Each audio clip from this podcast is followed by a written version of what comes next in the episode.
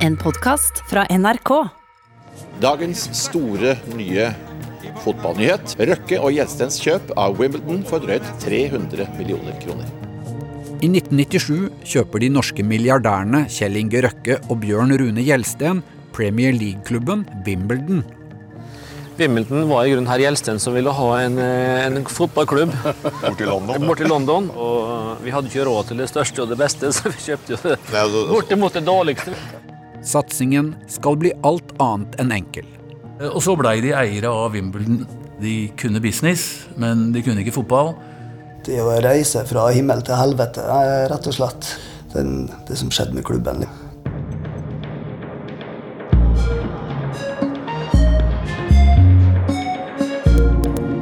Du hører på Wimbledon, en norsk fotballtragedie av Øyvind Lien Eknes. Del én av to.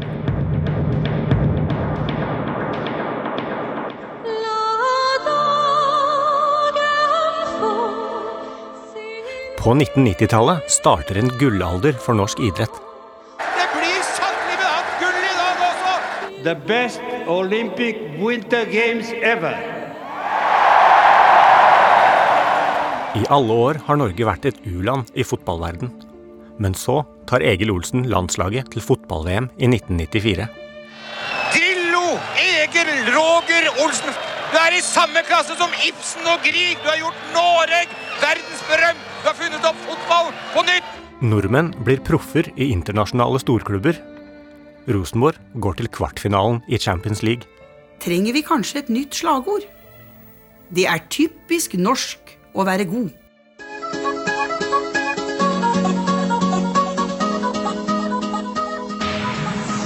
Det er juni i 1997. Ole Gunnar Solskjær er fersk toppskårer i Manchester United, og interessen for engelsk fotball har aldri vært større. To forretningsmenn fra Molde er på vei til London. Planen er å kjøpe en fotballklubb. Dagbladets sportsjournalist Morten Pedersen følger interessert med. Det, det var jo et sånt på, på mange måter et tegn i tida at uh, rike mennesker og lekende rike mennesker som liker sport og fart og galskap, uh, hadde lyst til å kjøpe seg en fotballklubb i, i England, og ikke minst i Premier League. Fotballspillere var blitt rockestjerner, og det skjedde mye, og det var store penger i omløp. Kjell Inge Røkke og Bjørn Rune Gjelsten eier allerede Molde fotballklubb. I England ser de seg om i flere retninger. Klubber som Manchester City og Nottingham Forest er oppe til vurdering.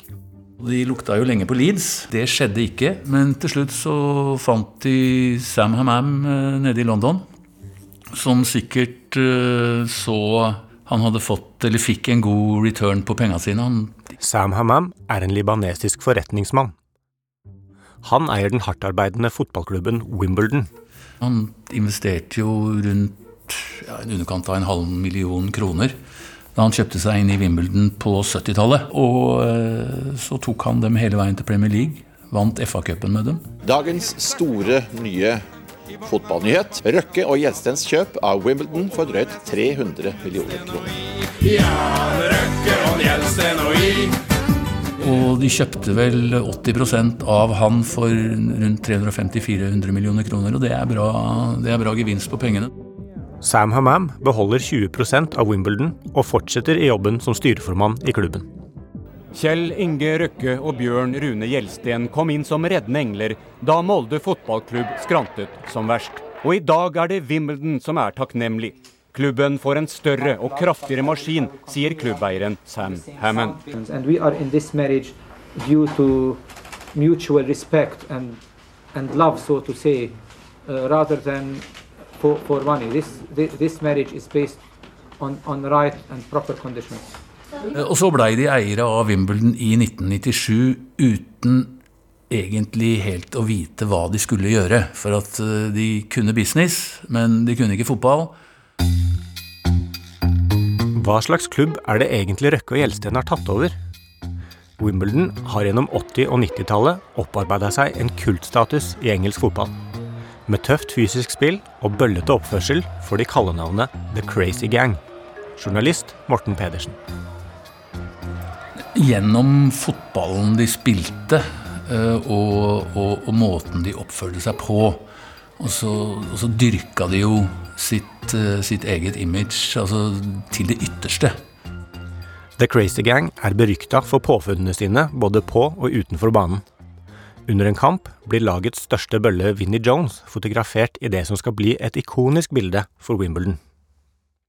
Vinnie Jones har gassa bak seg, og hvor han klyper den ordentlig i balla. Hvor du ser eh, Paul Gascoigne virkelig skjære grimaser. Og det var, det var de tinga der. Skapte sitt eget image og tok ingen fanger. Og så var fotballen sammenligna med i dag en helt annen. Den var rå. eh, Jeg vil si nesten brutal mange ganger. Oppkjøpet av Wimbledon setter i gang nye rykter. Hvem skal trene laget nå som norske eiere har overtatt? Investorene sier at de vil ta med seg noe av det beste fra norsk fotball til England. Kjøper de Drillo også, spør VG. En spennende tanke, sier Bjørn Rune Gjelsten. Vi har ikke hatt noen dialog med, med Drillo, men det får vi se hva vi gjør. Nei, ingen tilbud er helt uinteressante hvis de kommer fra attraktive klubber og med et bra tilbud, men eh, det er ikke noe jeg går og tenker på om dagen. Egil Drillo Olsen er på dette tidspunktet landslagstrener. Han er i ferd med å oppnå en nærmest udødelig status i Norge. På sankthansaften 1998 skrives norsk idrettshistorie. Kjetil Rekdal fra Han skårer! Norge leder 2-1! Norge leder! Viva la Norvège! Og led Norge! Kjetil Rekdal og alle hjemme. Jeg har ikke opplevd maken! Og dette mener jeg fullt hjerte. 2-1 til Norge. Norge slår regjerende verdensmester Brasil i fotball-VM i Frankrike og går til åttendedelsfinale. Og Norge i alles hjerter. Unnskyld patriotismen. Unnskyld alt. Dette må en 54-åring få lov til å glede seg over. Har ikke opplevd maken.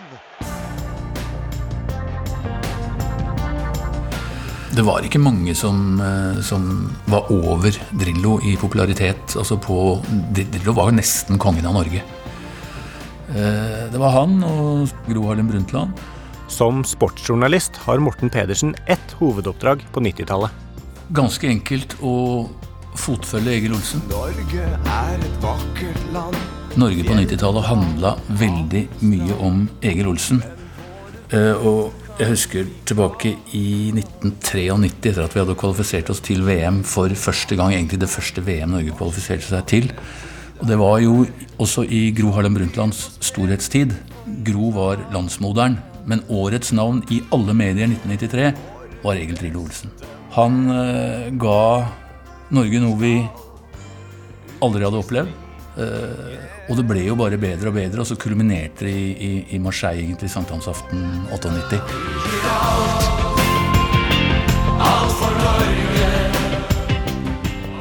Med de gode resultatene får Egil Olsen livet sitt snudd på hodet. Jeg har aldri likt å være sånn veldig i fokus, da, så det Jeg gikk jo sånn sakte, men sikkert fra å være sånn såkalt B- eller C-kjendis til å bli A-kjendis. Merka jo det, da. Liksom du ble gjenkjent overalt og litt sånt. Men uh, utover det så plaga meg vel ikke. Men uh, jeg, som, jeg har aldri likt å være veldig i fokus. Etter triumfen mot Brasil er epoken med landslaget over for Egil Olsen. Han går inn som trener i Vålerenga for å redde dem fra nedrykk. De lå jo dårlig an, da. Det var elleve eh, kamper igjen, og de lå sist på tabellen. Så det, det var, ble jo et lite eventyr, for det gikk jo så veldig bra. Vi vant ni av de elleve kampene, så vi redda jo plassen med bra margin. Samtidig sliter Røkke og Gjelstens klubb Wimbledon med å overleve i toppserien. Våren 1999 vinner de kun én fotballkamp. De norske eierne må ta grep. De trenger en redningsmann.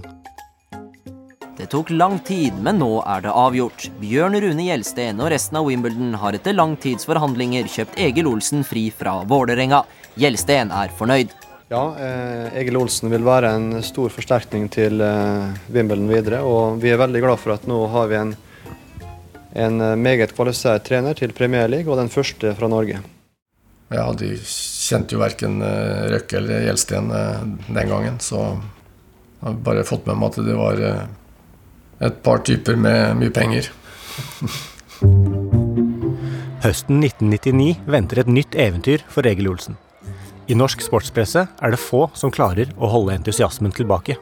Egil Olsen selv gleder seg stort til å ta fatt på sin nye jobb i Wimbledon. Drillo fikk vite avgjørelsen tidligere i dag, men var hele tiden sikker på at overgangen skulle gå i orden. Det var jeg ganske trygg på ville ordne seg, men eh, klart nå er det nå klubba skrevet under, og sånn er det i boks, så det, det er litt deilig. Stor overgang òg, fra norsk fotball til Old Trafford. Ja da, Premier League er, eh, det er et nummer større enn eh, Tippeligaen, det er klart det. Så det, men det gleder jeg meg til. Det er klart det å manager i Premier League, det høres ut som et lite eventyr. Så jeg kan ikke tenke meg at jeg hadde noen motforestillinger mot det. Så det var bare spennende, naturligvis. Jeg fulgte jo engelsk fotball ekstremt tett. Morten Pedersen har flytta til London og jobber som korrespondent for Dagbladet. Vi fikk et altså, norsk fotball på sett og vis. altså Det starta på et nytt eventyr. Men det blei en veldig stor greie, og vi gleda oss veldig til det. Og du hadde jo norske spillere i Manchester United, og du hadde en haug i Premier League. Og så kom Egil på toppen av det. Så det var en fest, og det var en enorm interesse for, for, for det hjemme i Norge òg. Vi solgte aviser som hakka møkk på Egil og disse gutta. Egil Olsen reiser rett til London og blir møtt av styreformann Sam Hammam på flyplassen.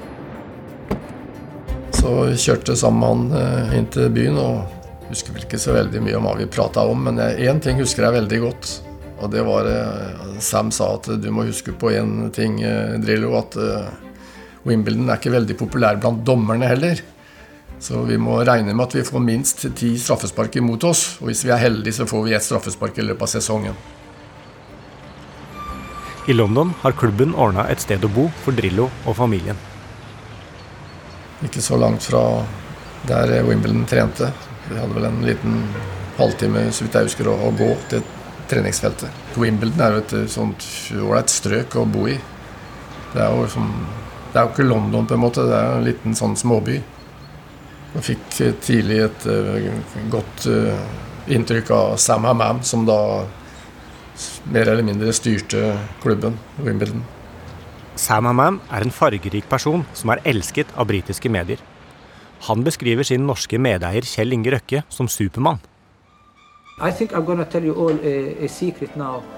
Uh, Kjell Rocca is the true Clark Kent. And han var jo litt sånn verdensvant. da, Han kjørte jo bil inn i sentrum, vi skulle på en fin restaurant. og da så Bare stoppa han utafor liksom, restauranten, og så kom det en fyr ut. Så bare kasta han liksom bilnøklene bort til han, og så ordna han med parkering og sånne ting. Så han, vi bare gikk rett inn. Så jeg tenkte jeg husker jeg spurte Sam liksom, er det ikke vanskelig å få parkert sånn midt inne i sentrum. Nei, det hadde jeg ikke tenkt så mye på, liksom. Bare kasta bilnøklene bort til en som kom og ordna det der. Jeg syns han var en ålreit fyr. Og han var sånn spontan, energisk, ja, utadvendt, dyktig leder. Så det, kjemien stemte i hvert fall veldig bra mellom oss. Det nærmer seg første trening, men først skal den nye treneren presenteres for pressen. Egil Olsen skjønner raskt at det er Sam Hammam som trekker i de fleste trådene i den daglige driften av Wimbledon. Første gang vi var på det anlegget, da hadde Sam invitert Så da var det masse folk der. Så ble vi presentert da, som nye trenere og fikk spørsmål og De har kalt ham The Mad Professor, beskrevet ham som en smårar eksentriker. Men det var før Sam Hammam hentet ham til Wimbledon. I dag var det kaotiske tilstander der rundt 100 engelske og norske pressefolk klemte seg inn i Wimbledons trange klubbhus for å høre en opplagt Egil Olsen snakke om alle forandringene han vil gjøre med klubben før seriestart 7.8. Hopefully it will work before the 7th of August. And if it doesn't work before Christmas, I have a nice house in Norway, I guess. ja, så det var en sånn hyggelig seanse med Jeg husker ikke hvor mye folk det var der, men det var kanskje en 100 mennesker eller noe sånt. Så det var det første møtet. Og det var før første trening. Han benyttet også anledningen til å lire av seg kraftsalver om andre idretter. I don't dare to try golf. I see that that could be dangerous. I have seen a lot of people destroy their life because they only play golf, nothing else. Hadde et første møte med engelske presse. Hvordan gikk det, syns du?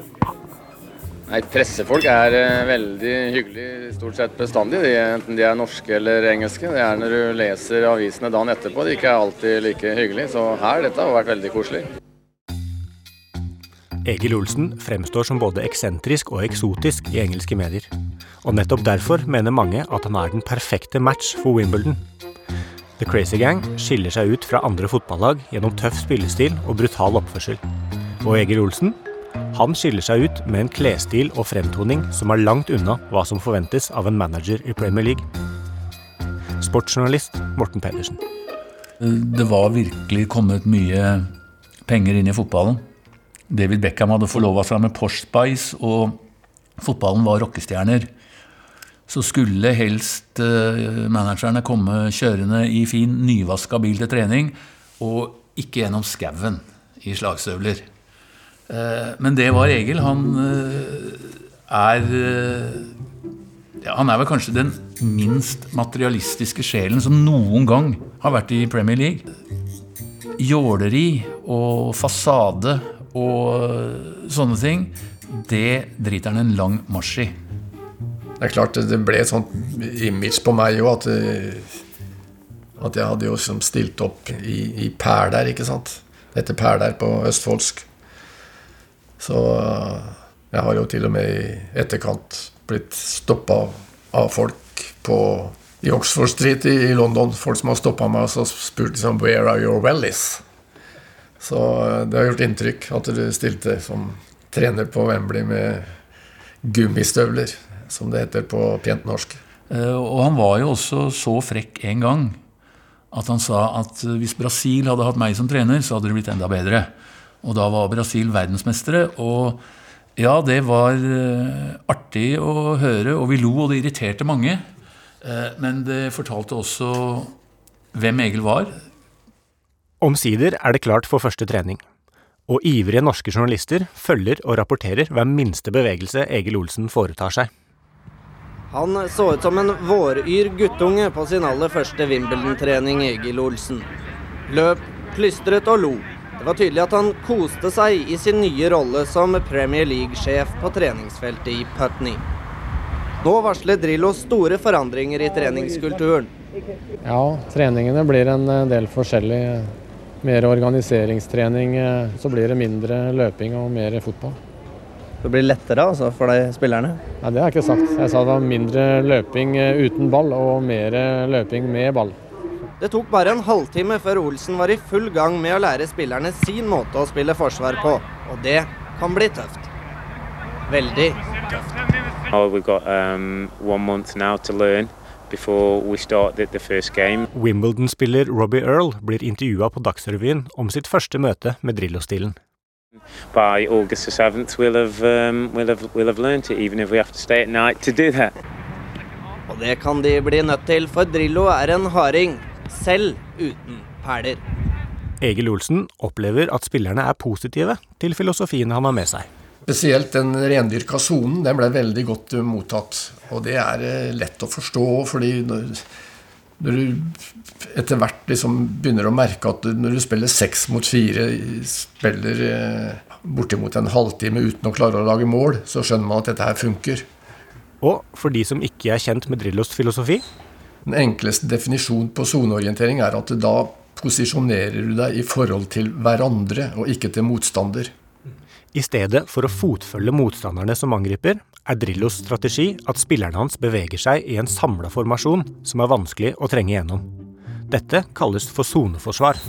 Offensivt så er vi tilhengere av det jeg kaller framoverfotball, altså en gjennombruddssissig stil. Drillo-stilen er kjent for å sende ballen mot motstanderens mål så ofte som mulig. Dette resulterer i lange, høye pasninger, fullt av tøffe fysiske dueller. Altså, Fotball kalles også det vakre spillet. For fotballfans kan det være en nytelse å se verdensstjerner som Zinedine Zidane og Ronaldo utføre tekniske kunststykker ute på banen. Som i en ballett danser de rundt motstanderne og får publikum til å måpe med kreativiteten og ferdighetene sine. Men Når Egil Olsens lag entrer banen, er det lite rom for vakre tekniske detaljer og finspill. Altså hvis du har en akse med da det ultimate vakre spillet ute til venstre, så er Drillo-fotballen helt i den andre enden til høyre. Eh, Drillo bryr seg ikke så mye om hvordan det ser ut. Han bryr seg om hvordan resultatet ser ut etter 90 minutter. Det er det viktigste. Det er overordna alt. Du måtte være norsk på 90-tallet for å like måten Norge spilte på. Svenskene kalte det dødgraverfotball. Nei, altså, når du spiller ballen veldig mye framover, så, så, så, blir det sett på litt primitivt. Da, for du har ballen relativt lite. Hadde ballen minst i omtrent alle kamper vi spilte. For ikke å si alle. Og som sagt, der var det også sikkert sånn mer eller mindre litt motforestillinger, i hvert fall blant spillere. Eh, og det var ikke pent å se på. Det var når Norge spilte dårlig, så var det så jævlig. Og for da en som ikke var norsk, så må det ha vært aldeles grusomt. Og det fikk en beskjed om. Eh, det interesserte han midt i ryggen. Han eh, viste til resultater, og de var jo ganske gode. Eh, og sånn var det. Morten Pedersen følger Wimbledon-treningene tett. Flere av de engelske spillerne sliter med å tilvenne seg den nye Drillo-stilen. Du så jo det på treningene, at det var flere av spillerne som begynte å kjede seg allerede etter ei ukes tid. Og som også hadde tydelige motforestillinger. At det var flere som hadde lyst til å spille ball. Var motforestilling mot spillestilen. Det, det var jo et liv jeg hadde eller, vært borti tidligere. Så det var jo i Norge òg. Selv da det gikk veldig bra, så, så var det motforestillinger mot stilen. Så det var ikke noe nytt, for så vidt. Og så kom det en mann fra Norge som hadde på seg slagstøvler, og fortalte dem hvordan hun skulle gjøre nærmest finne opp hjulet på nytt. Eh, og det var kanskje ikke så lett å finne seg i. Drillo kommer nok ikke til å bli den siste nordmannen i Wimbledon. Gjelsten bekrefter at de også er ute etter norske spillere.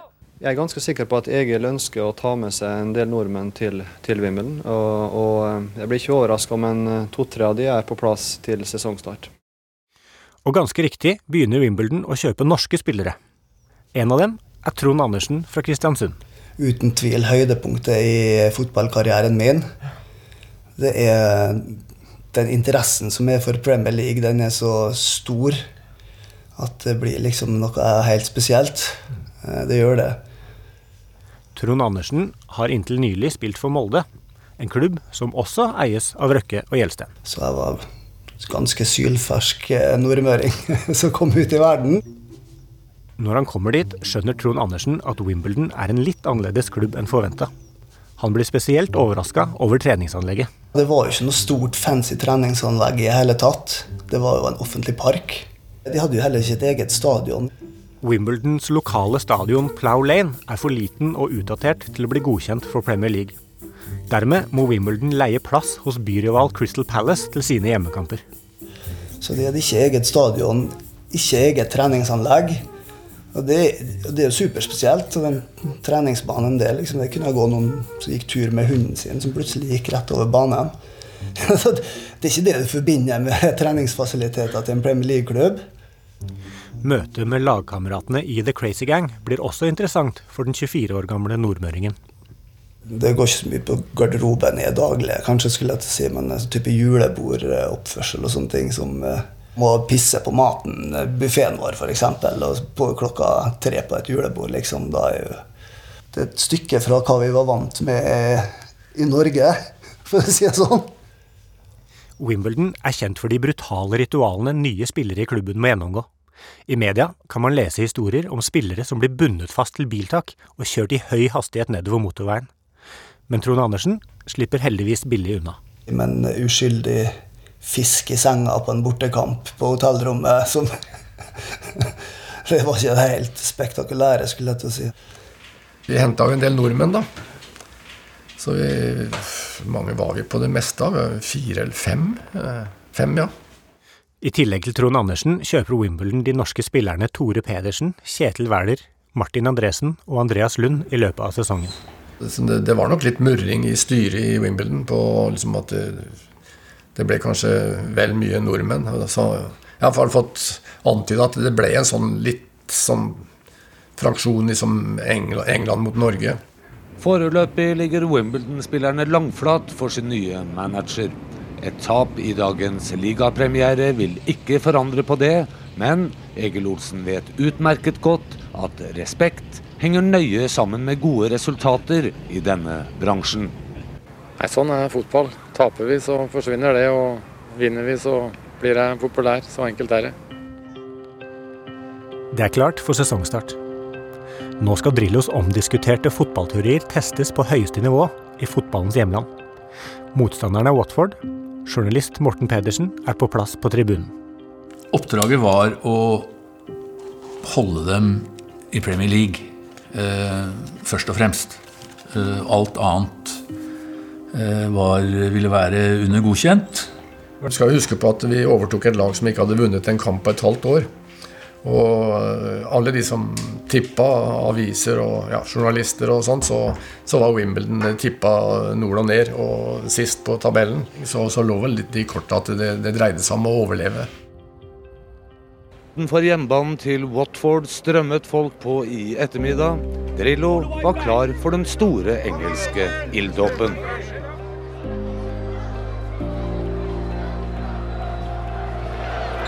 Det blir en intens åpning på kampen.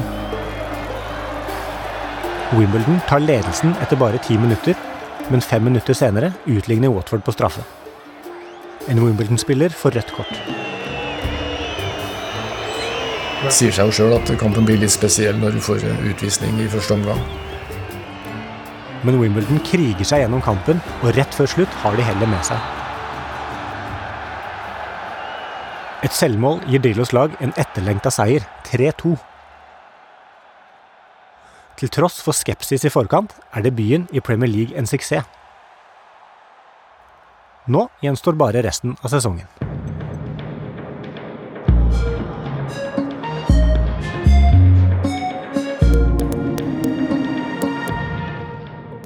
Du har hørt første del av Wimbledon, en norsk fotballtragedie, av Øyvind Lien Eknes.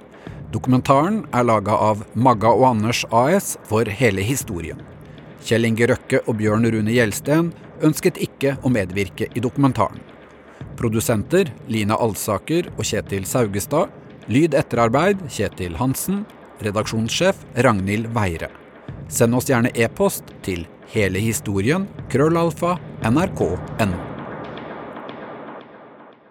Du har hørt en podkast fra NRK. De nyeste episodene hører du først i appen NRK Radio.